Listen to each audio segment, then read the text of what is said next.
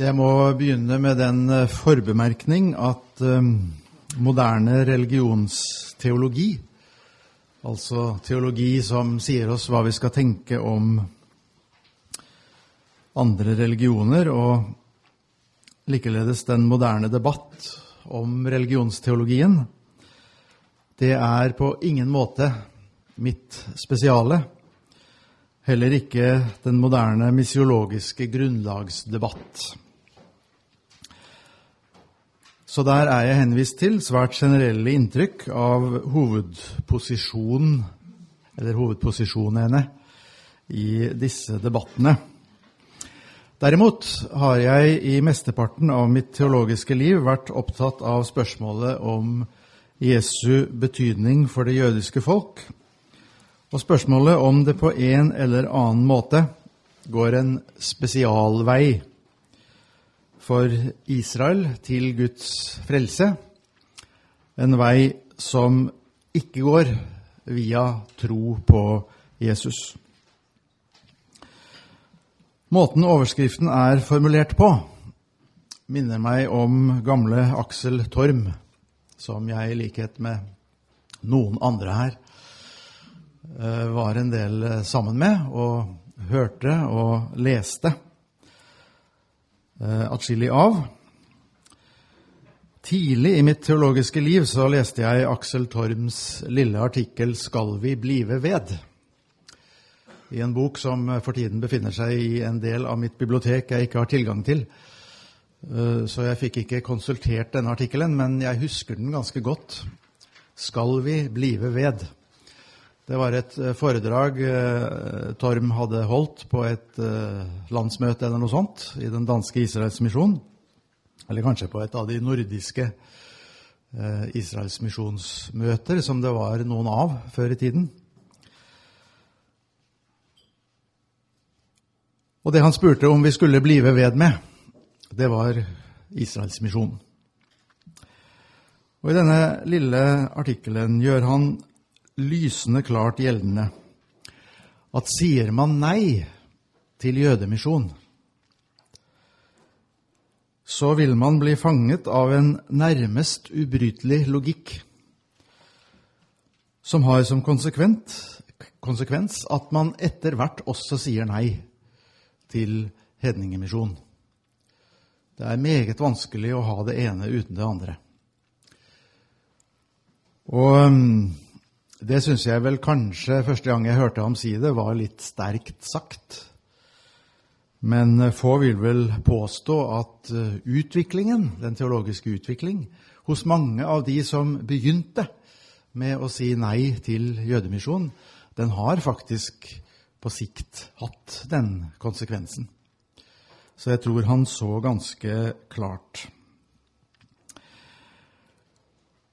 Eh, denne første timen blir vesentlig en innføring i Ja, har det faktisk vært noen som har hevdet, det, eller svart ja på det spørsmålet som, som tittelen stiller? Har det vært noen som har hevdet at Jesus ikke var jødenes Messias, men hedningenes? Altså Jesus er hedningenes frelser, men ikke jødenes. Vel, eh, tesen har faktisk blitt hevdet, og av flere, og egentlig ganske lenge. For eh, jeg vet ikke om så mange har oppdaget, men jeg oppdaget det fordi jeg arbeidet nokså inngående med Justin Martyrs dialog med jøden Tryfon og oppdaget da litt sånn til min overraskelse at jøden Tryfon sier akkurat det. Etter at Justin Martyr har eh, presset ham i retning av en aksept av Jesus som Messias, med argumenter som gjør et visst inntrykk på Tryfon, så sier jøden Tryfon følgende Og nå er vi altså eh, Justin skriver sånn cirka, Dette er ca. 160 etter Kristus. La da dere som er av hedensk opprinnelse, og som kalles kristne etter Kristus, la da dere bekjenne ham som Herre og Messias og Gud. Men vi jøder, som tilber den Gud som skapte oss og ham, altså Jesus, er ikke forpliktet til å bekjenne eller tilbe ham. Så der er tesen i grunnen ganske klart uttrykt. Ok, la ham da være hedningenes Messias. For dere, hedninger. Men vi jøder behøver ham ikke. For vi tror jo allerede på Gud, vi er jo allerede hos Gud. I middelalderen lanserte blant andre den store Maimonides den tanke at Jesus og kristendommen har en slags Messias-forberedende funksjon blant folkene. Og det allerede Maimonides på 1100-tallet var i ferd med å observere, det var jo at gjennom kristen misjon har kunnskap om Guds lov blitt spredt til ja, jordens ender i den da kjente verden. Litt nærmere vår egen tid har vi det som etter hvert ble den amerikanske dispensasjonalismen. Men det begynte altså i England med John Nelson Darby og Plymouth Brethren. Eh, men den fikk særlig gjennomslag i USA. Og der har den gjennomslag fremdeles. Eh, og de av dere som er litt fortrolig med amerikansk kirkeliv, vil jo vite at i Amerika er de spørsmål som dispensasjonalismen reiser og svarer på, blant de virkelig store teologiske spørsmål. Så min erfaring er at amerikanske teologer de får ofte det vi på norsk kaller hakeslepp. Eh, når man eh, åpenbarer for dem at vi europeere aner ikke hva dispensasjonalisme er. Eh, og langt mindre har vi greie på post-rapture og pre-rapture og pre- og post-millennialism og alt det der. Det er jo fullstendig gresk for oss. Og det har de vanskelig for å forstå. For det er jo de store, det er jo de viktige teologiske spørsmålene. Eh, som, som, da har, har delt uh, den evangelikale kristenhet i USA i, i, forskjellige retninger og partier. De deler seg i disse spørsmålene. Uh, hovedpunktet i vår sammenheng innenfor dispensasjonalismen. Læren om frelseshusholdningene kunne man vel idiomatisk oversette det til vårt språk. Læren om de ulike frelseshusholdninger. Og Det som er poenget i vår sammenheng, det er den tanke at profetiene i Det gamle testamentet handler hele tiden om Israel, om det jødiske folk. Utelukkende om Israel og det jødiske folk, fra begynnelsen til slutten. Alle profetiene handler om det. Mens derimot det man kan kalle kirkens tid, den tid vi er i nå, er en ikke forutsett parentes i Guds frelsesplan, som profeten ikke sa noen ting om.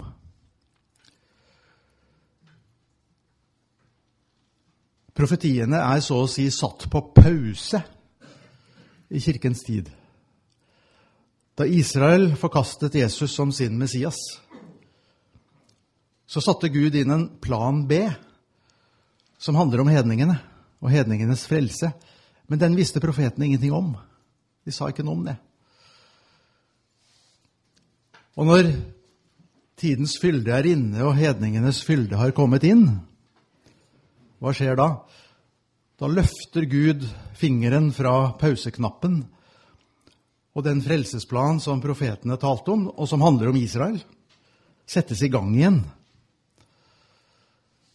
og fullbyrdes i det tusenårige riket, som er et rike for Israel.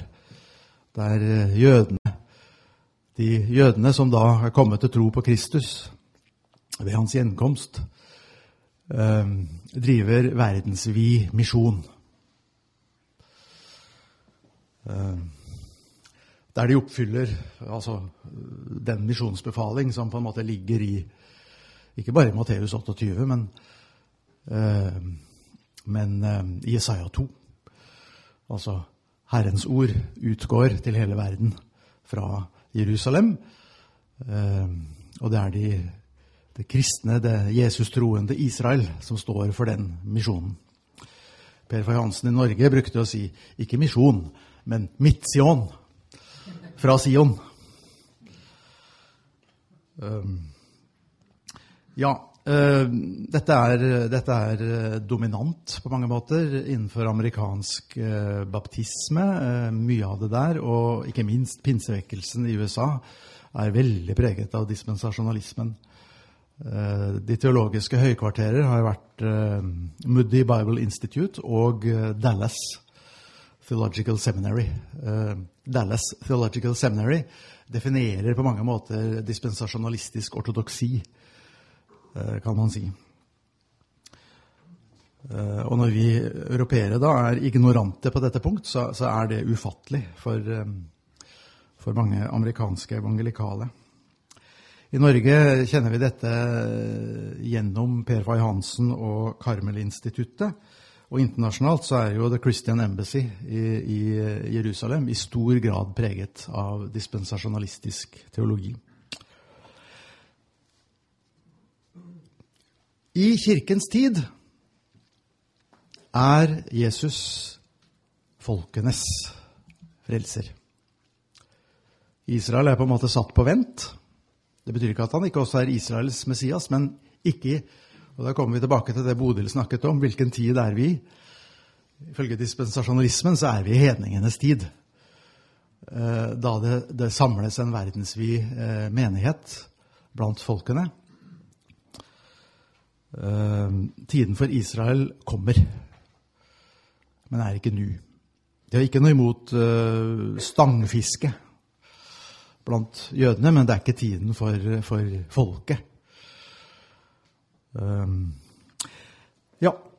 Um, i, på 1900-tallet møter vi uh, jøden Frans Rosenzweig som lenge var sterkt tiltrukket av kristendom og overveide å bli kristen. Overveide å ta dåpen, men på en måte snudde på terskelen til å gjøre det, og valgte å holde fast på sin jødedom. Men kristendommens virkning blant folkene gjorde et slikt inntrykk på ham Eh, at han absolutt var villig til å innrømme Jesus en rolle som hedningenes frelser. Og når han ble konfrontert med Johannes 14, 14,6 Jeg er veien, sannheten og livet. Ingen kommer til Faderen uten ved meg. Så responderte Frans Rosenzweig på det ord med å si det gjelder hedningene. For de er ikke hos Faderen i utgangspunktet. De behøver en vei til ham. Men det gjelder ikke oss jøder, for vi er allerede hos Faderen. Vi er hos ham i utgangspunktet. Så Derfor må vi forstå dette Jesu ord som et ord som gjelder de som er langt borte, og det er hedningene. De kommer til Faderen ved ham. Og um, jeg hørte flere ganger Aksel Torm kommentere det med å si følgende Frans Rossensweig overser jo at det var jøder han sa det til. Det var jøder alle sammen som hørte ham ved den anledning. Og det var dem han sa det til. Martin Bober var en nær eh, venn og medarbeider av Rosenzweig, og kan vel i sitt hjerte ha tenkt lignende tanker, det vet jeg ikke. Han skrev en kjent bok om eh, jødedom og kristendom som Zwei Glaubensweisen. Og det ligger vel i den boken en slags innebygget vurdering at den jødiske måten å tro på er mer bibelsk, mer autentisk på sett og vis. Iallfall mer jødisk enn den kristne måten å tro på. Og det han, det han utarbeider i den boken, det er at jødisk tro er en form for holdning, en slags eksistensiell holdning, der troens at-innhold, altså hva, hva, hva, hva, er tankeinnholdet i troen, hva, er gjenstand for tro, det er i grunnen Gud selv. Eh, det er i selve gudsrelasjonen at troen defineres, mens kristendommen, det er en typisk at-tro. Eh, du tror bestemte ting. Du tror bestemte utsagn er sanne. At Jesus er Guds sønn. At Jesus er Messias. At han døde og sto opp. Altså, eh, I kristendommen er, er, troens gjenstand så mye mer uh, formulert som et, som et, stykke lære. Som bestemte utsagn. To måter å tro på. Uh, og det ligger vel innebygget i dette at han selv på en måte betrakter den jødiske modellen, så å si, som mer autentisk bibelsk og mer autentisk jødisk enn eh, det han utarbeider som kristendommens trostype. Eh, enda litt nærmere vår egen tid, og nå er vi godt inne i min levetid. Alan Brockway, tidligere sekretær for Kirken og det jødiske folk i Kirkenes verdensråd, leste jeg og hørte jeg noen ganger si følgende Jesus var ikke den i Skriften lovede Messias for Israel, men han var og er det inkarnerte Guds ord, og her var Johannes 1, 14 sentral for ham, og som sådan er han hedningenes frelser. Ikke Israels Messias, men hedningenes frelser. Eh, det er sånn Når man har lest og hørt ting i ungdommen, da husket man ikke på å notere hvor man leste det. Så jeg er ikke i stand til å gi dere eksakte referanser her. Eh, det skal jeg nok klare hvis jeg jobber litt. Eh, han skrev i hvert fall én artikkel, husker jeg, i, i en Ecumenical Review, der han utarbeidet dette synspunktet. Men jeg var på noen konferanser sammen med ham og, og hørte ham uttrykke dette. Ja, altså, hvordan, hvordan begrunner du det? Vel, han gjorde litt ut av at eh, noen nyttestamentlere mener at Jesus selv var veldig forbeholden overfor å bli identifisert som eh, en jødisk Messias. Og Av det trekker han en slutning at så var det fordi Jesus ikke, ikke var det. Og ikke ville være det. Eh, ok. Vi kommer tilbake til det. Um, for det siste noen moderne eksegeter har ment at en sånn posisjon eh, Jesus ikke jødenes Messias, men hedningenes eh, faktisk var oppfatningen hos en eller flere nytestamentlige forfattere allerede. Og den nytestamentlige forfatteren som eh, er den sterkeste kandidaten her, er vel forfatteren av Matteusevangeliet. Flere Matteus-eksegeter mener at Matteus grunnleggende sett tenkte at uh, jødemisjonen, eller misjonen til Israel, har hatt sin tid, som er forbi. Og at Matteusevangeliets forfatter tenker slik Israel har hatt sin sjanse, men nå gis riket videre til de som bærer dets frukter, og det er hedningene.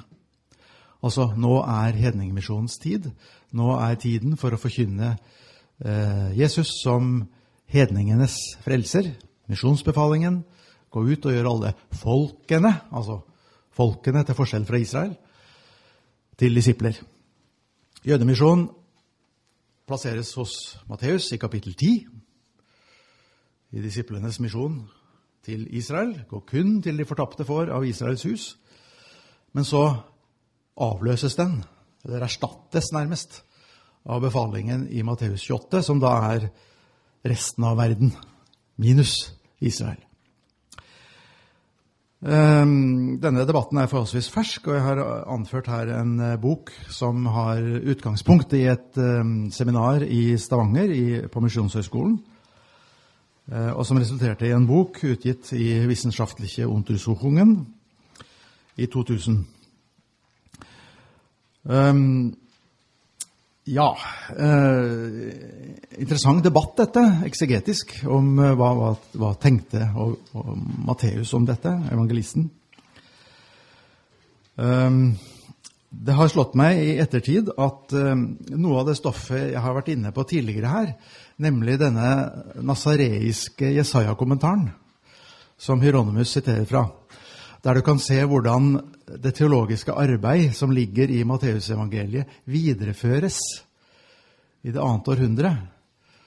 Altså, la oss si omkring 150, 160, 170 etter Kristus. I Galilea, i samme område som Matteusevangeliet fokuserer veldig på. Der er jødemisjonen høyst oppegående.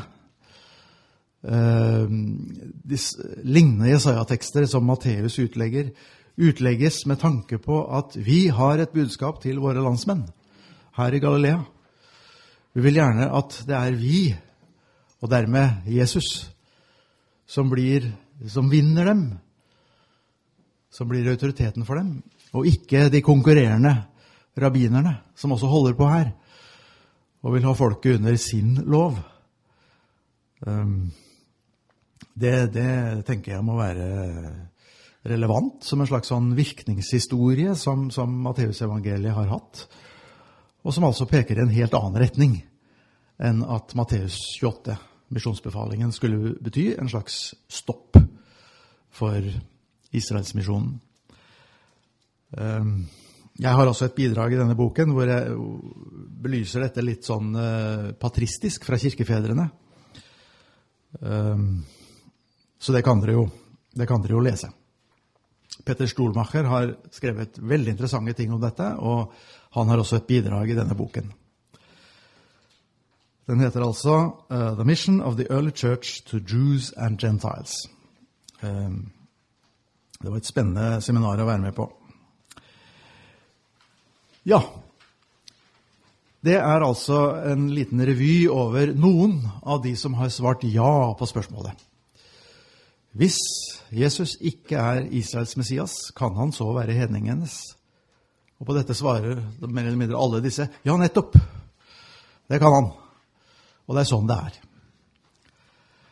Mer vanlig enn det er det vel å benekte Jesu uniqueness som frelser i begge relasjonene. Han er ikke the unique Messiah, the unique Savior verken for jøder eller hedninger. Det finnes en annen måte å se det på, og det er det jeg kunne kalle en inklusiv universalisme, som hevder at Jesus faktisk er alle menneskers frelser, men at han da frelser de fleste mennesker uten at de vet det, uten at de er klar over det. De troendes eneste fortrinn er da at de faktisk vet at Jesus er deres frelser. Men han er jo egentlig alles frelser. På den måten kan man kombinere en kristologisk universalisme, for ikke å si også, om du vil, absolutisme. Han er absolutt alle menneskers frelser, og han er den eneste frelser. Man kan kombinere det med et nei til misjonens nødvendighet og universalitet. Mitt inntrykk er imidlertid at denne modellen, som tidligere hadde stor oppslutning, eh, og man kunne påberope seg store teologiske autoriteter Noen påberopte seg Karl Raners eh, tale om anonyme kristne. Altså mennesker som egentlig er kristne uten å vite om det. Ehm, I den senere tid har denne måten å tenke på veket plassen for mer uttalte to eller flere veier til frelsemodeller. Eh, I våre dager eh, nøyer man seg sjelden med to. Altså, det er ikke jødedom og kristendom, det er, jødedom og, nei, det er kristendom og religionene. Kritikken av den kristologiske universalismen blant annet, gikk bl.a. ut på at den var paternalistisk og på en måte bedrevitende. Og man gjorde etter hvert den erfaring at hinduer og buddhister ble ikke veldig lykkelig over å bli fortalt at de egentlig var kristne uten å vite om det. Du nærmer deg mennesker med en slags form for litt usympatisk bedreviten når du sier det til dem. Eh, så responsen var jo veldig ofte at nei, det er vi da aldeles ikke. Eh, man tok på en måte ikke på alvor det folk faktisk eh, trodde og, visste om seg selv. For de visste jo det at de ikke var kristne. Eh, det var ikke det at de ikke visste at de var det, de visste at de ikke var det. Så vinden gikk, gikk ut av den måten å tenke på i, i, i betydelig grad. Genuint pluralistiske frelseslærer har naturligvis mindre muligheter for å hente støtte for sitt syn i bibeltekster, og velger normalt å innrømme det. Det Her har vi da dette tyske ordet Absolutheitsanspruch. Det har jeg hørt mye om. Absolutheitsanspruch. Eh, kravet på absolutthet.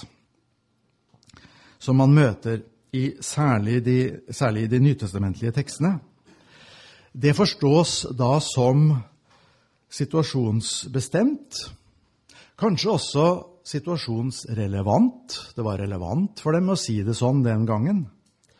Men ikke som noen kontekstuavhengig sannhet. Eller man prøvde å takle disse stedene på andre måter. Uh, en periode så hørte vi mye om, om Christer Stendals uh, løsning på problemet. Når f.eks. disiplene sier i, i Akta 412, som uh, Bodil har utlagt for oss, at det er ikke frelse i noen annen. Ikke mennesker gitt noe annet navn under himmelen ved hvilket de kan bli frelst så sa Kristin Stendal ja, det er som når jeg sier om min kone at du er den eneste for meg. Det er love language. Kjærlighetsspråk. Det skal ikke tas helt bokstavelig.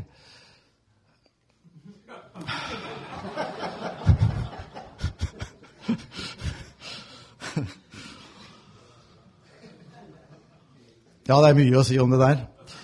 Um,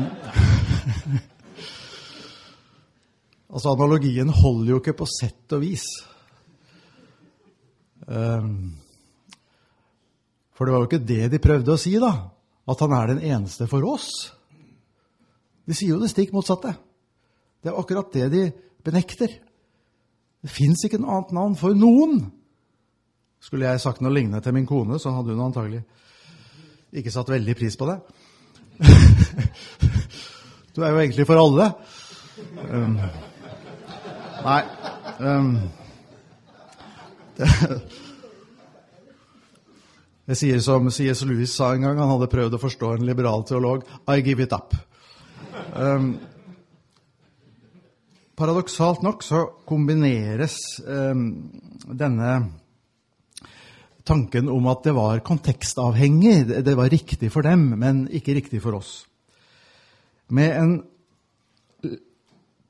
altså i mine øyne pussig form for kontekstuelt resonnement. Kristendommens V der, universalitetskrav kunne la seg høre innenfor en kristen enhetskultur i den konstantinske epoken. Du hadde på en måte en slags samfunnsmessig troverdighetsstruktur rundt utsagnet om at Jesus er eneste vei til frelse, så lenge du er i en kristen enhetskultur der alle er kristne. I en sånn kontekst kan det la seg høre. Men det mangler denne troverdighetsstrukturen i et moderne pluralistisk samfunn, der religionspluralisme forstås som en situasjon vi må leve med. Den vil ikke kunne avskaffes gjennom kristen misjonssuksess som gjør alle mennesker kristne. Det tror vi ikke lenger på, er resonnementet. Vi tror ikke lenger at alle skal bli kristne. Og da mister disse absolutthetsutsagnene sin troverdighet. Vi kan ikke hevde det lenger i en etterkonstantinsk situasjon. Dette syns jeg er paradoksalt av to grunner. For det første, det har aldri historisk sett vært del av kristen tro at misjonen skulle resultere i at alle ble kristne. Det har aldri vært misjonens motivasjon at man så for seg at det skulle skje. Aldri. Man har alltid visst at der misjonen finner sted, der skjer én av to ting. Budskapet tas imot, og budskapet avvises. Og det har kristne misjonærer visst til alle tider. I apostlenes gjerninger kan det jo av og til se ut som om Paulus og de andre anser seg ferdig på et sted når de Gud har utsett til frelse, har hørt budskapet og tatt imot det. Da er de fri til å gå videre.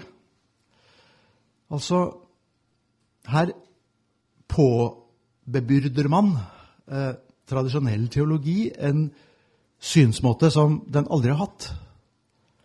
Det er det ene. Det andre er de sterke, eksklusive utsagn i Det nye testamentet stammer fra en førkonstantinsk situasjon, der de kristne bare var en helt marginal minoritet innenfor et høyst pluralistisk samfunn. De, for dem var jo fraværet av en sosiologisk troverdighetsstruktur mye mer akutt enn det er for oss. Og så Vi kan jo tross alt si at Jesus er eneste vei til frelse i en situasjon der kristendommen er klodens største religion. Men det kunne jo ikke de. Tenk deg en kristen i menigheten i Antiokia, kanskje et par hundre mennesker. I byen levde det 500 000, en halv million. Og så sier disse menneskene at vi kjenner den eneste veien til frelse. Folk må jo ha syntes at de var uh, pussige.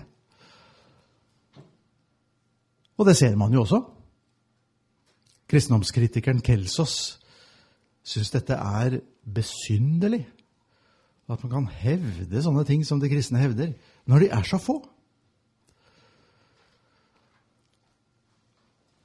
Veldig, veldig merkelig eh, resonnement, dette med den konstantinske epoke som den eneste mulige kontekst å hevde sånt i. Ingen av de to svar, altså først dette inklusive universalismen, som regner med at alle egentlig er frelst uten å vite det, eller den andre, som um, nokså åpent um, erklærer at det er flere veier. Ingen av disse to svar er lette å forene med klare bibeltekster, særlig i Det nye testamentet. Og Her føler vi oss som eh, evangelikale teologer naturligvis på sett og vis på hjemmebane.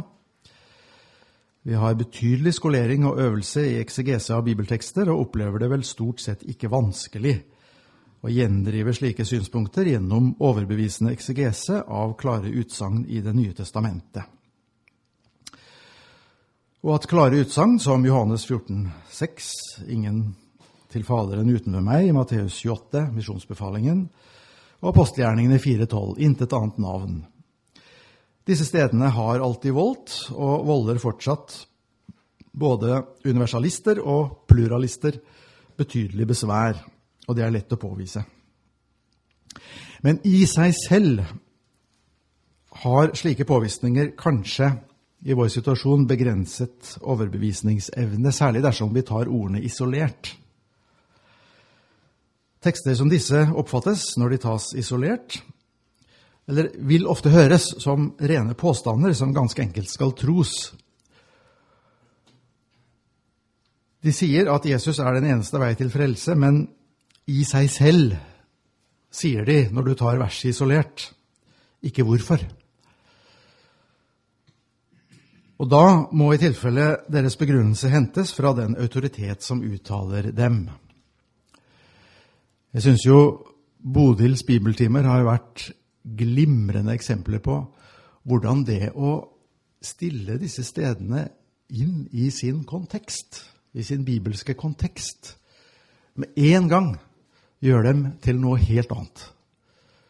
Når du ser bakgrunnen for at dette sies.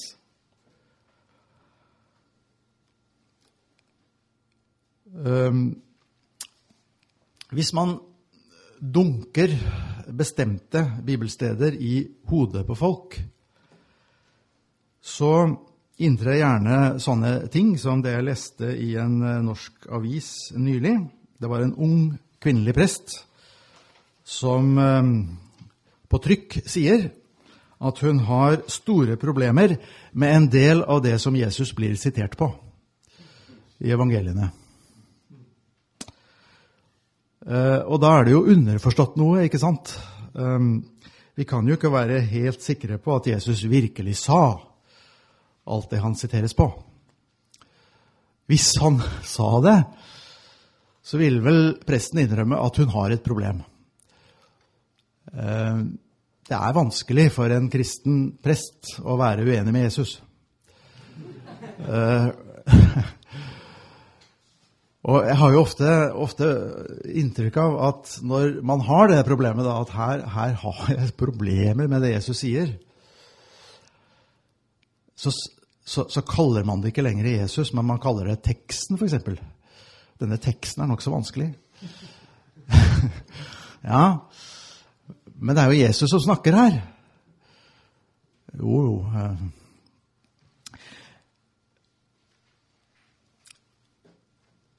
De fleste, tror jeg, i sånne situasjoner så, så, griper man til en slags form for veldig primitiv bibelkritikk. Og det er at hvis Jesus sier noe jeg har store problemer med, så er det vel ikke sikkert at han har sagt det.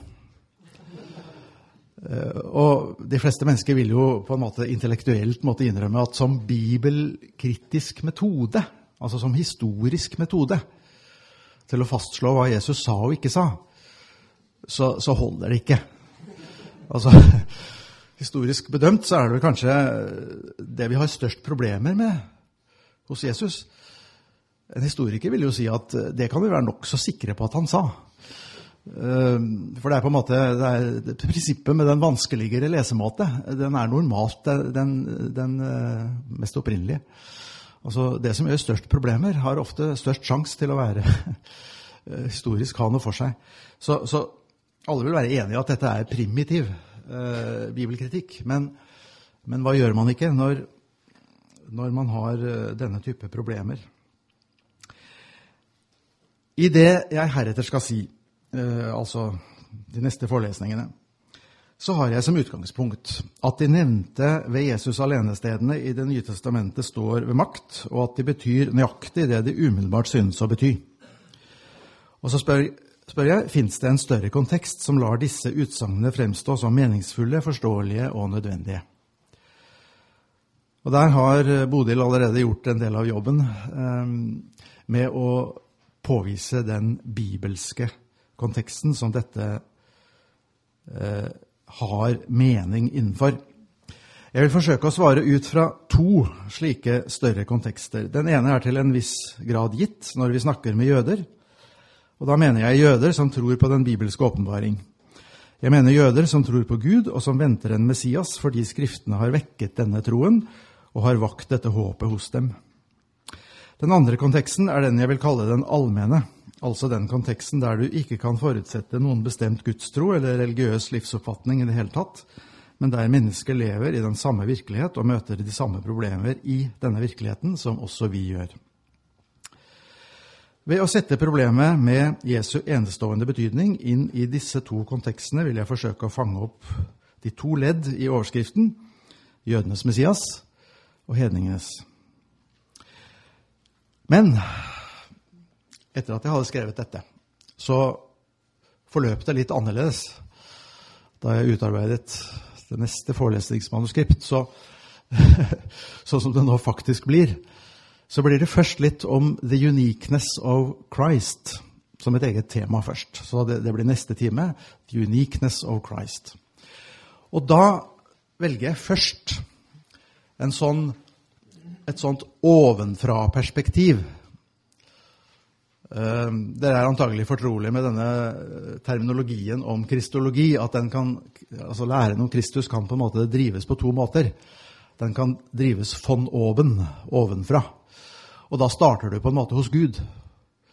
Du starter med Jesus som en av treenighetens tre personer. Uh, og det er der jeg har tenkt å starte i neste time. Og I morgen blir det da først Jesus som jødenes Messias, og så blir det Jesus som vår hedningenes Messias. Eller alle menneskers Messias. Så det, det blir forløpet her. Uh, neste time altså The Uniqueness of Christ i et sånn von Oben-perspektiv. I morgen blir det da to von Unten-perspektiver uh, på det. Ja. Kommet til um,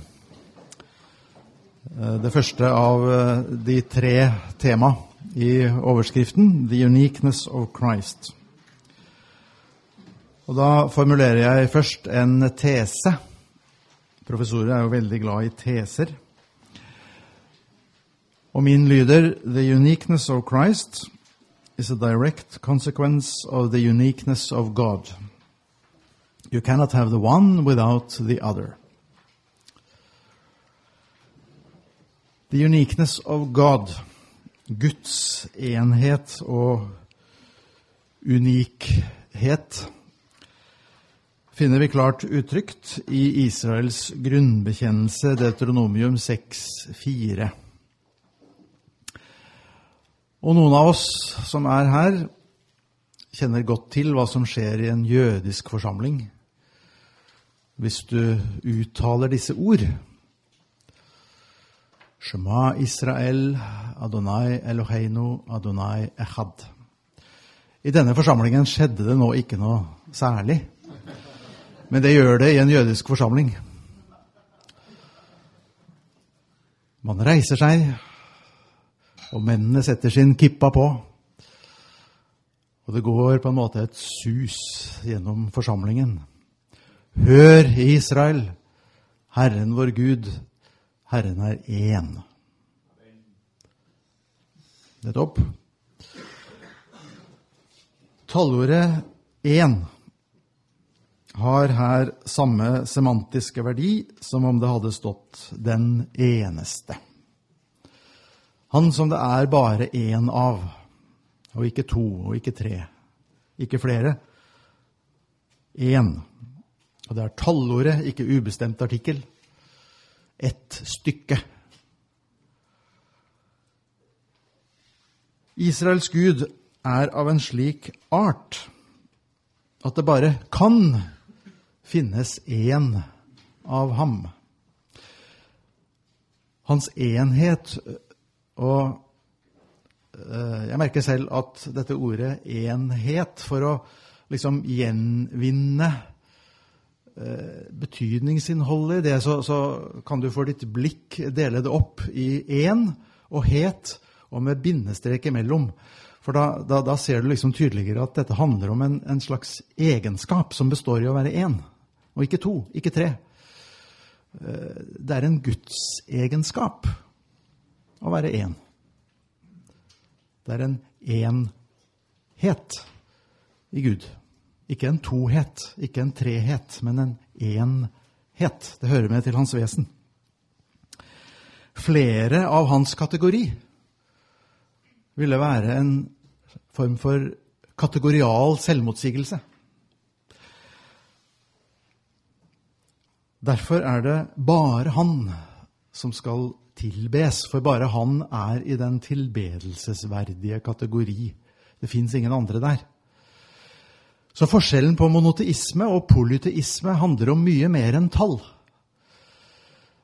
De som tror på flere guder, de tror samtidig på andre slags guder enn den Gud som bare kan være én.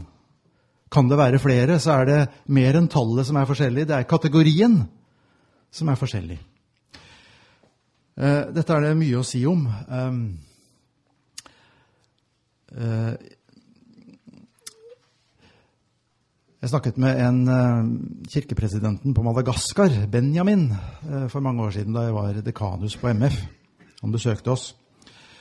Og da sa jeg til ham at uh, jeg syns Justin Martyr er litt på grensen til frekk eller udannet når han så tydelig sier til hedningene at de gudene dere tror på, er egentlig demoner. Ja, men han har jo helt rett, sa Benjamin, for han kunne dette med polyteisme. Eh, de gudene vi tror på på Madagaskar, i utgangspunktet, de er ånder. Eh, og forskjellen på guder og ånder er i grunnen uvesentlig. Eh, grunnleggende sett så hører alle våre guder hjemme i åndenes kategori. Men det er altså større og mindre ånder.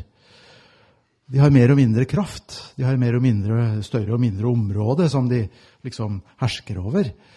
Eh, så gudene er store ånder, men i prinsippet er de samme kategori som andre ånder.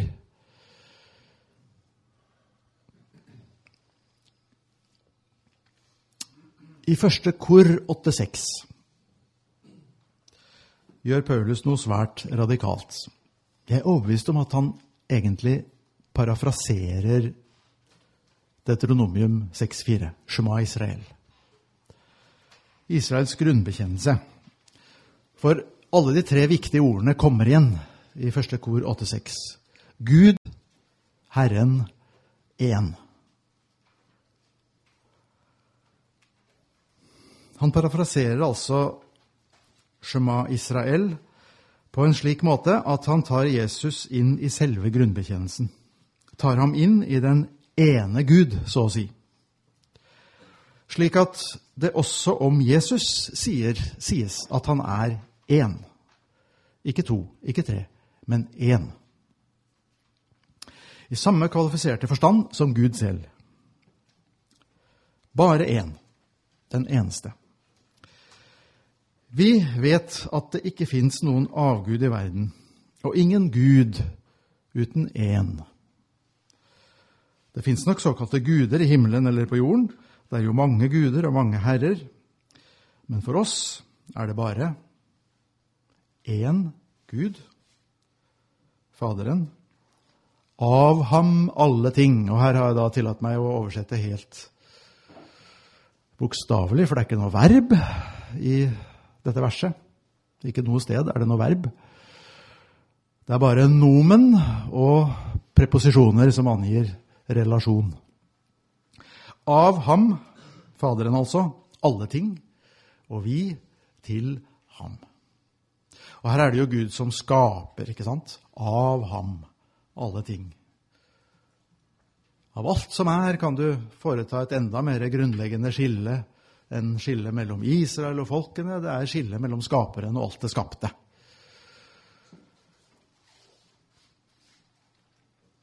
Og for oss er det bare én Herre Igjen Deuteronomium 6,4.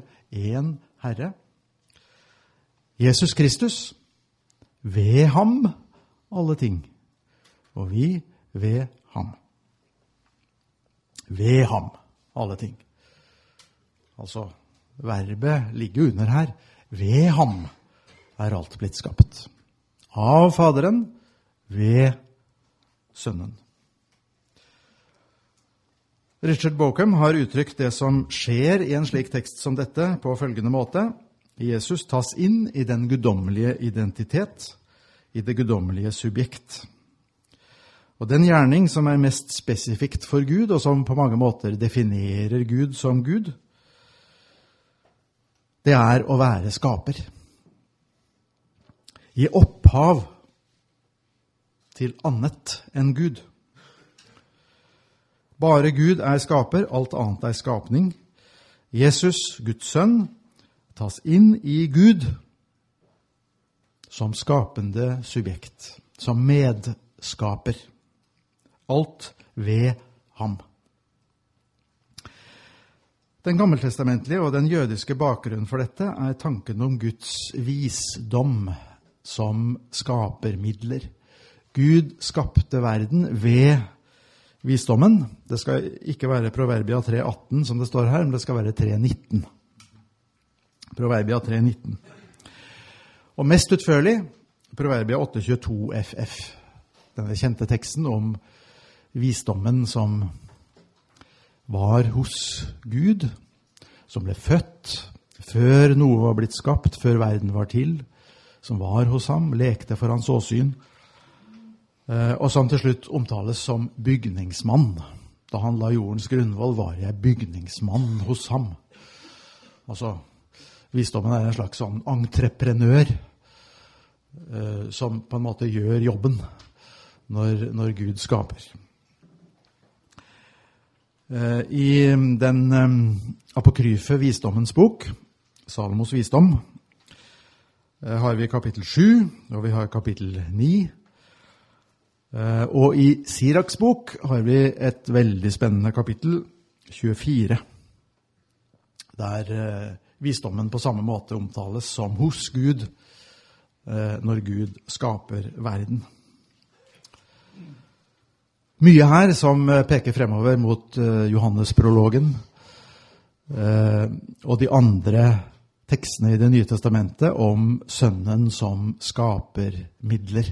Som den som er hos Gud, og som Gud skaper ved, og som var hos Gud før verden var til.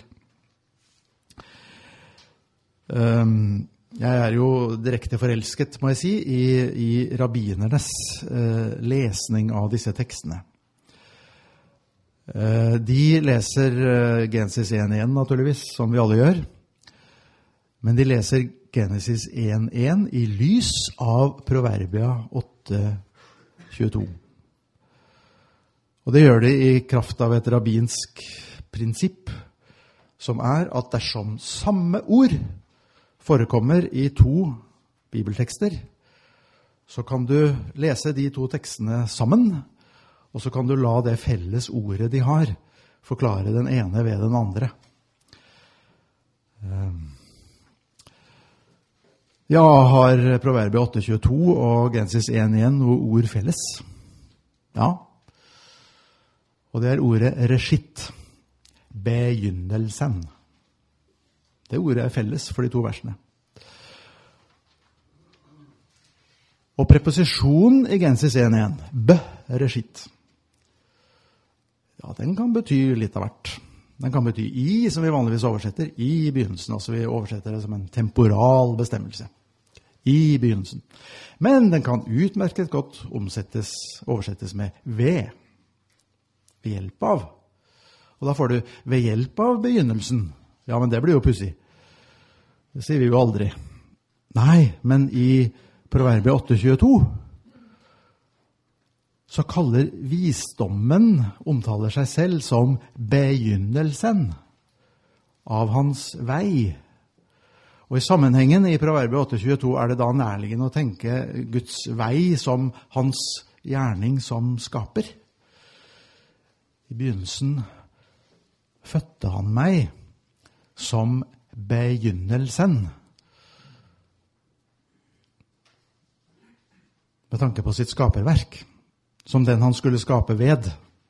Altså, begynnelsen er lik visdommen, og setter du da det inn i Gensis 1.1, så får du ved hjelp av visdommen, alias begynnelsen, skapte Gud himmelen og jorden. Ved visdommen skapte Gud himmelen og jorden. Og dette er ikke noe jeg påstår nå, for, for dette har du faktisk i den aramaiske oversettelsen, den rabbinske targumen. Aramaiske oversettelsen av Genesis 1.1. Og der oversetter de det I et par av targumene er det oversatt dobbelt bereshit. Og de, de gjorde ofte det. Oversatte én og samme frase eh, dobbelt. Så de sier i opphavet, ved visdommen, skapte Gud himmelen og jorden. Ikke sant? Da begynner det å ligne veldig på Johannes-prologen. I begynnelsen var visdommen, og visdommen var hos Gud, og visdommen var Gud, og alt er blitt til ved den. Det er bare å bytte ut Logos med Sofia. Og det kan vi godt gjøre, for det skjer allerede i, i, i Visdommens bok, og det skjer hos Filon, og det var vanlig innenfor gresktalende jødedom å sette likhetstegn mellom Guds visdom og Guds logos, Guds ord. Og da begynner jo på en måte hele Genesis 1 å bli interessant, for hva gjør Gud der? Han taler jo. Han uttaler sitt skaperord. Så du har på en måte logos ikke bare i 1.1, men du har det jo på sett og vis hele veien. Gud skaper ved sitt ord. Og som skapermidler har visdommen del i Guds enhet, eller altså Guds uniqueness. Gud har ikke flere visdommer, han har én. Og det var en tanke som faktisk falt meg inn da jeg arbeidet med dette. Jeg har alltid på en måte slitt litt med dette at Hvordan tenker du, Paulus, når du kan dele opp skjema? Én Gud, Herre, én. Du deler det jo likevel på en måte opp i to, gjør du ikke det? Én Gud, én Herre, én Gud Faderen, én Herre Sønnen. Eh, spalter du ikke på en måte eh, skjema i to? Og Da slo det meg nei, det gjør han ikke. Det gjør han faktisk ikke. Men det han gjør, er å tenke innenfor en modell der den ene Gud Fordi denne ene Gud ikke er et matematisk punkt, men er en person, er én person, så er det å være person samtidig å ha en slags indre struktur, om du vil. Da slår det meg jo at ja, akkurat sånn var det kirkefedrene tenkte om dette. Og jeg tror akkurat sånn er det de nytestamentlige forfatterne tenker om det. Augustin, når han skal lete etter bilder på Guds trefoldige struktur, så griper han til oss mennesker som analogien og sier vi er jo mangfoldige, og, og vi har mange sånne trinitariske strukturer i oss. Vi har mange sånne trestrukturer i oss. Eh, vi er oss, og så har vi intellekt, og så har vi vilje. Alt dette har vi én av fordi vi, fordi vi er én. Eh, så, så enheten, det, det, å være bare én og ikke to og ikke tre, det er da på en sett og vis en, en nødvendig egenskap ved alle disse, eh, alle disse elementene i denne strukturen i personen, fordi personen er én. Eh, så er det én vilje, og så er det én Ja. Eh, her snakker jeg naturligvis eh, Augustin om, om mennesket som skapte Guds bilde, og på en måte mennesket i paradiset. Han har mye å si om vår splittede vilje. Men når vi bruker det her som analogi på Guds trinitariske struktur, så er det på en måte mennesket skapt i Guds bilde han snakker om. Så eh, det har, det har, på en måte mer og mer blitt, blitt, tydelig for meg at tankemodellene som de brukte når de utformet eh, treenighetstanken de, de, har en forunderlig form for på en måte indre logikk. Eh, når du tar utgangspunkt i det at den ene Gud er en personlig størrelse og ikke en sånn matematisk eh, størrelse, for å si det sånn. Eh, tallmessig er han én og bare én, men han har på en måte flere sider eller attributter, eh, på samme måte som vi har det som mennesker. Vi, vi har komponenter i oss, så å si. Og det forandrer ikke det dugg på at vi er ett subjekt, én person. Én og ikke to. Um, på tilsvarende måte med den andre størrelsen, som også omtales som skapermidler i Bibelen Guds ånd. Gud skaper ved sin ånd, og fordi Gud er én, har han én ånd. Gensis 1,2. Salme 33, 6, som var veldig viktig for kirkefedrene, for der møter du både Sønnen og Ånden i ett og samme vers. For du møter både eh, Herrens ord og hans pust, pusten fra hans munn, altså Ånden. Eh, Salme 134 og flere steder. På samme måte som med visdommen, eller logos. Fordi ånden er den ene Guds ånd, er den selv én. Den har, fordi den er Guds, del i Guds enhet, det å være én. Um, at Gud, ifølge Deuteronomium 6,4, er én, forhindrer ikke at han i seg og hos seg har sin visdom, eller sitt ord, og sin ånd. Men impliserer at også disse har del i det guddommelige én én Gud Fader, ett Guds ord, én Guds ånd. Dette trefoldige én går igjen i flere av de østkirkelige trosbekjennelse av Nikenum-typen, og i Ålkirken var det jo flere av dem. I Nikenum selv mangler det i tredje artikkel. Um, hvis dere husker Nikenum godt, så heter det jo da at vi tror på én Gud Fader, altså tallordet ett. Vi tror på én Herre, Jesus Kristus. Vi tror på Den hellige ånd. Og der er det ikke noe én. Det er ikke noe tallord i tredje artikkel. I flere andre østkirkelige bekjennelser er det også tallordet eh, i, i, tredje artikkel. Vi tror på én hellig ånd, ett stykk. Ikke to, ikke tre. Um, men det, kommer igjen i én dåp. Um, for her, her, gjør på en måte Oldkirkens biblisisme seg gjeldende. Eh, og For mange av dem har det nok spilt en viss rolle at i Korinterne 8, første kor 8-6 så har Paulus ikke noe utsagn om ånden. Så de kunne på en måte ikke hente tallordet 1 om ånden fra første kor 8-6. Og fordi det stedet var så viktig for dem, så droppa de det i tredje artikkel. Eh, de kunne jo f.eks. gå til Efeserne 4. Eh, der har du både én ånd og én herre og én dåp og én litt av hvert. Eh, så de henta det derfra. Men eh, altså, jeg syns det der er ganske interessant, fordi eh, det har altså gjentagende ganger slått meg at når Oldkirken formulerte sine trosbekjennelser, så var det ikke nok, sånn som vi gjerne tenker, at dersom trosbekjennelsen uttrykker Bibelens sak, så er saken grei. De ville uttrykke troen med Skriftens egne ord i trosbekjennelsen. Og ser du nærmere på Nikenum, så er den på mange måter en kollasj av skriftsitater. Hele veien. Og det tror man jo f.eks. ikke om et sånt utsagn som 'født av Faderen før alle tider'. Hvor i verden i Skriften står det? I Septuaginta står det faktisk i Proverbia 8. Eh, pro tu aionu. Han fødte meg pro tu aionu. Før verden. Så det eneste jeg har gjort i Nikenum, er å, gjøre det til pluralis. Før alle tenkelige verdener. Altså før noe var skapt. Før all tid. Man gjør det litt mer omfattende. Eh, men det er et sitat. Skriftsitat.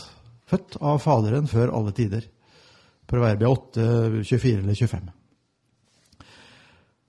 Um, ja. Jeg har nå argumentert for at the uniqueness of Christ er forankret i the uniqueness of God. Dersom Gud har flere sønner, flere logoi, er han ikke lenger én. Dersom Gud har flere ånder, er han ikke lenger én, men han er én, og derfor har disse Guds attributter del i hans egen enhet. Når vi på denne måten forankrer kristologien i visdoms- eller logos-kategorien, slik Nytestamentet og Oldkirken gjorde, betyr, at, betyr, så det at vi utelukkende forankrer kristologien i første artikkel om Gud og skapelsen? Nei, på ingen måte. I Visdommens bok tilskrives Guds visdom den oppgave å være utførende organ for ikke bare Guds skapergjerning, men for Guds frelsesgjerning. Det var visdommen som reddet Noah i arken. Det var visdommen som reddet Josef i Egypt. Det var visdommen som førte Israel ut av Egypt. Det var visdommen som gikk foran dem og bak dem som en skystøtte om dagen og en ildsøyle om natten. Det var visdommen hele veien. Den er utøvende organ også i frelseshistorien. Dere må stryke det siste der med 'førte dem' erobringen av landet osv., står det her. Jeg sjekka i teksten, og det stopper med ørkenvandringen. Um, dere kan også notere 10.1 til 11.4 som, som belegg i Visdommens bok på, på denne visdommens uh, uh, frelseshistoriske rolle. Um, og For øvrig kan dere jo da også notere første kor 10 uh, som en nytestamentlig apropos. Klippen som fulgte dem, var i Kristus. Er, det er, nesten nok å bytte ut visdommen med Kristus, så, så har du langt på vei altså Eh, første koriti allerede på forskudd i, i Visdommens bok, kapittel 10. I Siraks bok tas enda et skritt. For deg snakkes det på en måte om visdommens inkarnasjon. Og hvis det er noe kapittel i de apokryfe bøker som er fascinerende, så er det Sirak 24. Eh, det bare må dere lese. Dere er ikke utdannet teologisk hvis dere ikke har lest Sirak 24. Ehm, eh, det står mye interessant der, og noe av det mest interessante kommer ehm, i vers eh, 10. Og jeg leser det for dere.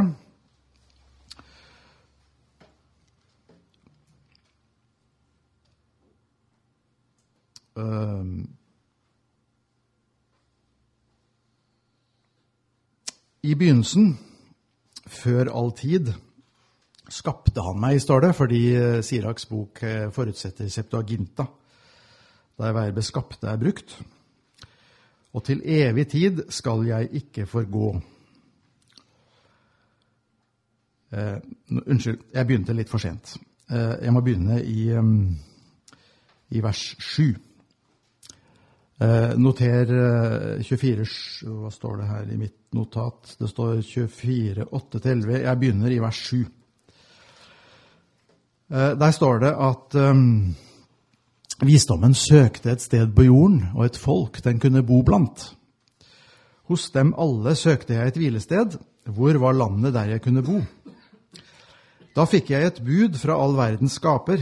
Min skaper ga meg en bolig og sa:" Og hva sa Gud til visdommen?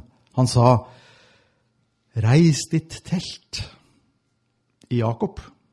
Reis ditt telt. Er det noe annet kjent sted hvor det står at noe slo opp sitt telt iblant oss? Ja, Johannes 1, 14. Og det er jo synd at uh, oversetterne, iallfall noen oversettere, ikke har dristet seg til å, å gjengi det å telte med å telte. Men altså, på norsk har vi ikke noe verb som heter 'å telte', men alle vil jo forstå det. Å bo i telt. Å telte. Ordet ble kjød og teltet iblant oss. For da har du jo den gammeltestamentlige historien på plass med en gang. Altså, uh, Har noen hørt om et telt der Gud bodde? Ja visst har vi det. Da fikk jeg et bud Min skaper ga meg en bolig og sa, Reis ditt telt i Jakob, skaff deg en arvelodd i Israel. Og så vers 10. Og jeg tjente for hans åsyn i det hellige telt, og slik ble Sion min faste bolig. Og da må det jo være tempelet, altså teltet i betong, om dere vil. Da må det være tempelet og kulten, offergudstjenesten, i tempelet det handler om. Jeg tjente liturgisk. Jeg, jeg eh, liturget for ham i det hellige telt på Sion.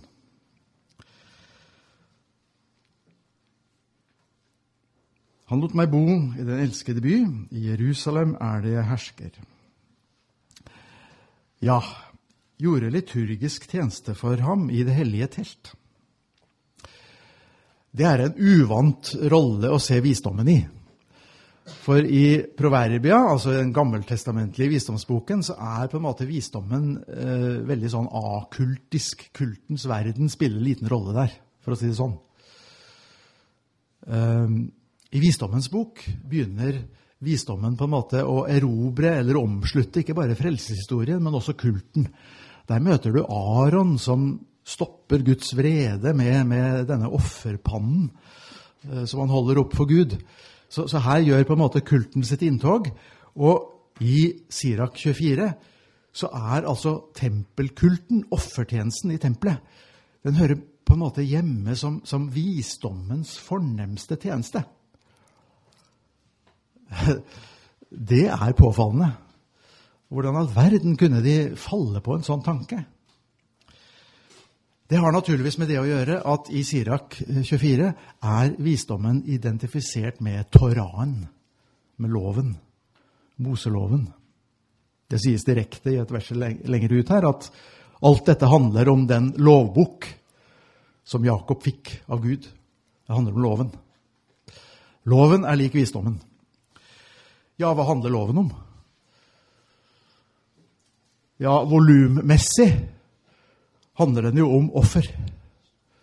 Om tempeltjenesten, om offerkulten i tempelet. Volummessig utgjør det størsteparten av loven. Den er en offertorah som handler om, den handler om blod. Sonende blod. Helt i sentrum av loven har du det. Det sonende blodet. Altså I forhold til uh, den visdommens verden som du har i, i, i Proverbia, så er det relativt fjernt. Er det ikke det? Uh, jeg spør GT-læreren her. det er en relativt akultisk verden du har i Proverbia. Er det ikke det? Ja, men ikke, ikke, ikke antikultisk. Nei, ikke antikultisk. Men, men det er liksom a, a, a, Ja. Men det er riktig. Men, men, du har altså denne tiltagende eh, integrasjon av, av offerkulten, av, av, hele det liturgisk-kultiske, eh, som da når et slags høydepunkt her, tenker jeg. Eh, hvor offertjenesten i tempelet blir på en måte visdommens fornemste tjeneste. Eh, her skjer det veldig spennende ting. Og um, jeg springer umiddelbart tilbake til Johannes 1. For der syns jeg vi finner et sånt veldig klart ekko av dette. Etter ordene om logos som skapermidler i begynnelsen, og ordet om inkarnasjon i vers 14. Ordet, dette skaperordet, ble kjød og bodde iblant oss, teltet iblant oss. Så er det første vitnesbyrd om den inkarnerte logos som møter oss. Det er Se der Guds lam som bærer verdens synd. Se der Guds lam som bærer verdens synd. Altså Der har du på en måte eh, det kultiske, du har soning, du har blod. Eh, du har dette som tilsynelatende skulle ha så lite med visdom å gjøre. Um, det ene offer av den ene øverste prest avløser og erstatter de mange offer frembåret av de mange prester, ifølge loven, ifølge Guds visdom. For her er det Guds ene ord og sønn som er prest og ofrer seg selv. Og derfor er det ene offer av universell betydning, fordi det er frembåret av den ene, og altså unike, Guds sønn. Vi kan se hvordan man i jødisk teologi fram mot Jesu tid arbeidet med visdomsskikkelsen. At man så å si klargjør teologiske kategorier og teologiske begreper som kunne romme Jesus. Både hans vesen og hans gjerning. At visdommen slik fikk en helt sentral rolle i jødisk teologi frem mot Jesu tid, ser vi også av det forhold at den normative jødedom bare fant én størrelse som visdommen legitimt kunne identifiseres med loven. Loven. Og Derfor tenker jeg at det er viktig å se at skal vi tenke jødisk om kristologien, så er det ikke bare Messias som er den relevante kategorien. Jeg kommer tilbake til det i morgen. Messias er naturligvis relevant. Men det er en annen størrelse som også er veldig relevant. Og det er Toraen. Loven. Altså, Den gammeltestamentlige visdom ble i normativ rabbinsk jødedom Toraen. For Jesu disipler ble det Jesus, Guds sønn. Og dette ser man jo flere steder. Man ser det i Matteus, i antitesene i Bergprekenen, hvordan Jesus på en måte går inn og er loven i person. Dere har hørt at det er sagt til de gamle, nemlig av Gud til Israel ved Sinai, da loven ble gitt. Men jeg sier dere, det kan du bare si dersom du er loven i person. Dersom du er det ene Guds ord som taler også i loven. Det er veldig radikalt, veldig høy rolle Jesus setter seg i. Kanskje aller tydeligst i Johannes evangeliet, der veldig mange av disse kjente ordene er lett å tolke jødisk hvis du i stedet for 'jeg' setter loven. Loven er veien, sannheten og livet. Det burde være et ypperlig jødisk utsagn som de ville underskrive med hele seg. Ingen kommer til Gud uten ved loven. Helt uproblematisk. Men her er det altså Jesus. Um, ja Skal vi se hva jeg har skrevet her nå, da. Uh, jo um, uh, Dette var, dette var um, Jeg leste med stor interesse pavens bok om Jesus. Bendik den 16.s bok om Jesus. Jeg syns veldig godt om den boken. Det var, det var en fin leseropplevelse. Um, og så har paven gjort noe helt genialt. Det var han antagelig ikke klar over. Men han har sitert Jacob Newsner i sin bok. Ved siden av Paulus er Jacob Newsner visstnok den mest siterte uh, i pavens bok. Det ble Jacob Newsner så begeistret for at han sendte det ut på hele sin mailingliste, som er meget lang. Så den nådde også meg. Og for å gjøre en lang historie kort, det han vesentlig sier i denne svære mailen som han sendte ut til hele sitt nettverk, det er 'Paven har sitert meg i boka si'.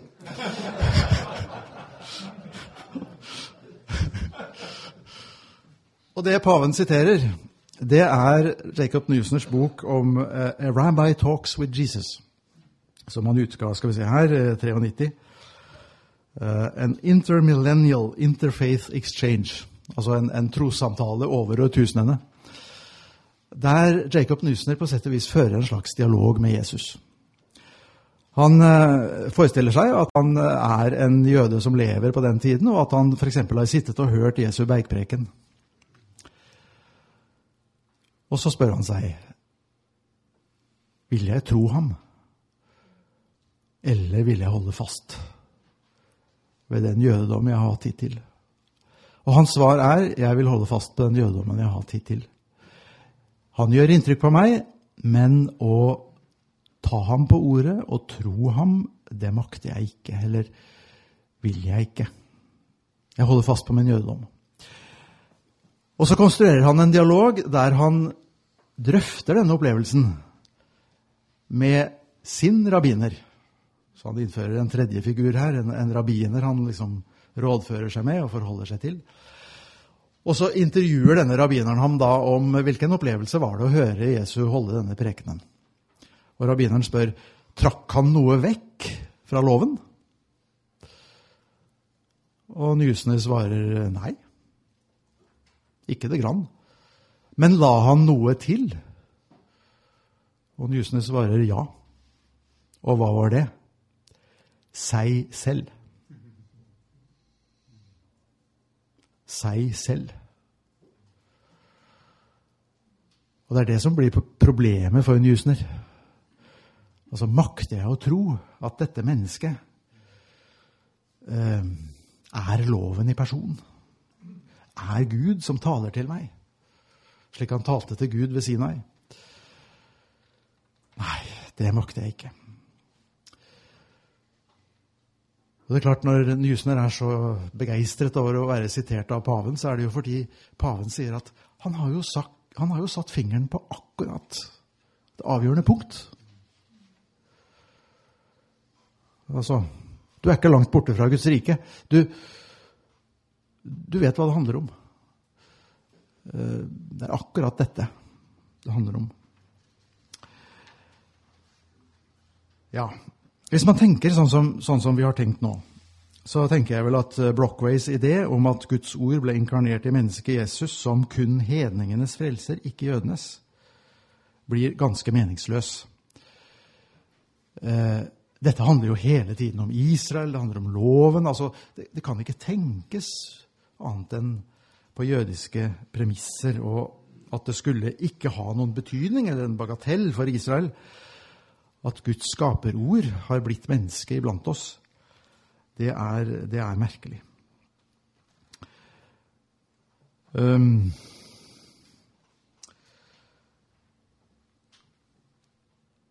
Det kunne være veldig mye å si om um, det lille jeg har notert mot uh, slutten her. Og jeg rekker ikke å si så mye av det. Men jeg slutter med et lite sånn historisk apropos til tanken om at for Israel skulle Jesus være uten avgjørende betydning. Et lite avsluttende apropos til den tanke at for Israel skulle Jesus være av for, altså, uvesentlig. En parentes som man kan se bort fra, og som kanskje har betydning for hedningene, men ikke for Israel. Et sånt syn kunne lenge søke en viss støtte i den oppfatning at de gamle rabbinere, og da snakker vi om rabbinerne i det annet, tredje århundre, de tok ingen notis, ingen notis som helst, av Jesus. Han var en nullitet for dem. De brydde seg ikke om ham. Og ikke brydde de seg om hans disipler heller. De, de inntok en fornem neglisjering av disse her. De var ikke verd å ta på alvor. Deres utfordring var ikke nødvendig å svare på engang. Så håpløst var det. Det har vært en utbredt holdning også blant jødiske forskere innenfor rabbinika, og Newsner hører på sett og vis til dem. Han mener at i rabbinsk litteratur finner du ikke noe svar på kristendommen før etter Konstantin. Og da er det ikke kristendommen som kristendom, men da er det det romerske kristne keiserriket de tar stilling til, for det angikk dem, politisk og på andre måter. Men før det var kristendommen helt uinteressant for rabbinerne. De gikk forbi den og lot som de ikke så den. Og Det var jo det mest overlegne svaret de kunne gi. Sånn tenker jødiske forskere ikke lenger, i hvert fall ikke enstemmig. Det er nå innenfor jødisk forskning klar opposisjon og protest overfor dette synspunkt. En av de mest interessante heter Israel Juval. Og Hvis dere kommer, av, kommer over noe av ham, så les det øyeblikkelig. Det er uavlatelig interessant det han skriver. Og Jeg ble først oppmerksom på ham gjennom en artikkel om påskehagadaen. Påskehagadaen. Og jeg hadde jo lært av Joakim Jeremias og andre kloke menn at uh, den kristne nattværfeiring og Jesu feiring av uh, sitt siste måltid med disiplene, påskekvelden, kan bare forstås på bakgrunn av den jødiske påskehagadagen. Og uh, Joakim Jeremias prøvde jo da å finne ut Eh, hvor mye i denne påskehagadagen forelå allerede på Jesu tid, sånn at du liksom kan plassere inn hans tydeord av brød og vin, hvor i liturgien kom det, osv. Israel Juval sier noe ganske oppsiktsvekkende. Han sier vi har ingen tydelige belegg for at det fantes noen påskehagadag i det hele tatt på Jesu tid. De hadde Exodus 12, og det var det. Ikke noe utarbeidet liturgi, ingenting. Pioneren i å utarbeide en påskehaggadah er Meliton av Sardes. Jeg hadde jo trodd det var motsatt. At Meliton av Sardes var påvirket av påskehaggadaen. Og det har jeg skrevet om da. Men her kommer en jødisk forsker og sier at nei da, det er Meliton som er pioneren her. Eller i hvert fall, det er de jødekristne som er pionerene her. Det er de som først utarbeider en påskehaggadah, for de hadde en grunn til det. For for dem begynte dette måltidet å bety helt nye ting. Og Derfor var det nødvendig for dem å tolke det som skjedde i påskemåltidet. For nå betydde det jo plutselig noe nytt. Dette brødet er ikke lenger det brødet våre fedre åt da de for trengselens brød da de uh, vandret ut av Egypt. Dette er Jesu legeme Og hva feirer vi det til minne om? Ikke Exodus, men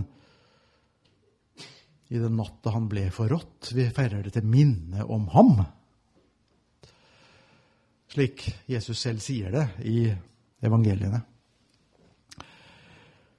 Men da ble det nødvendig for rabbinerne å utarbeide sin Haggadah.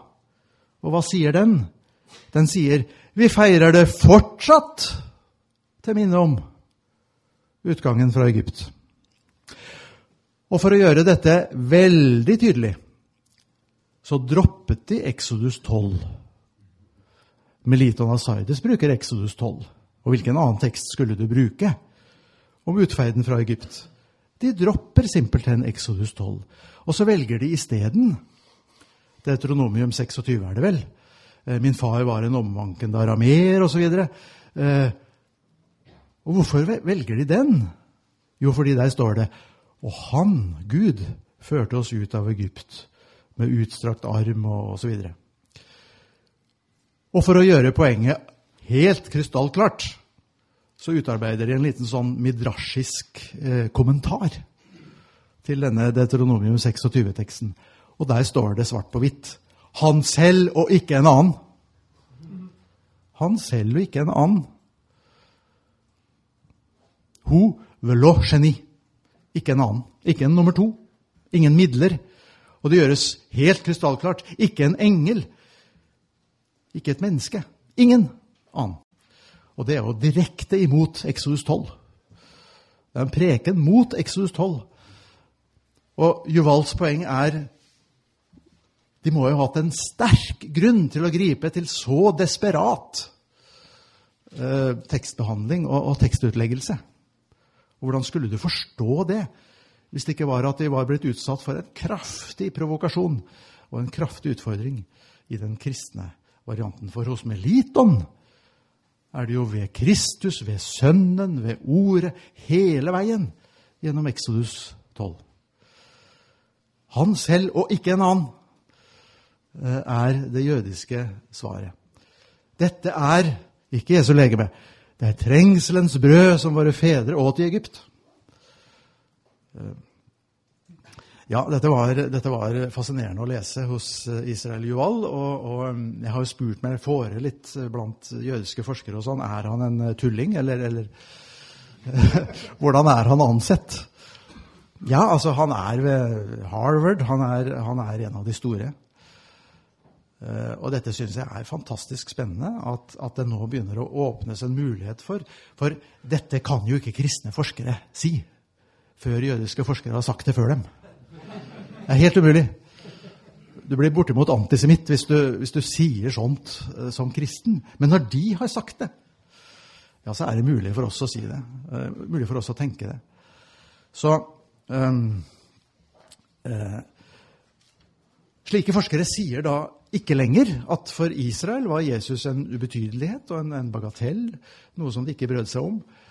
Eh, de har følt seg kraftig provosert, kraftig utfordret, og med all mulig rett. Som også Newsner innrømmer på denne måten at da han skjønte at det var seg selv Jesus la til loven, da blir hans rolle ikke en hvilken som helst, men det blir et veldig avgjørende og eksistensielt spørsmål. Hvordan stiller jeg meg til ham? Ja, beklager at jeg nok en gang gikk litt over tiden, men det gjorde dere også da vi begynte. Så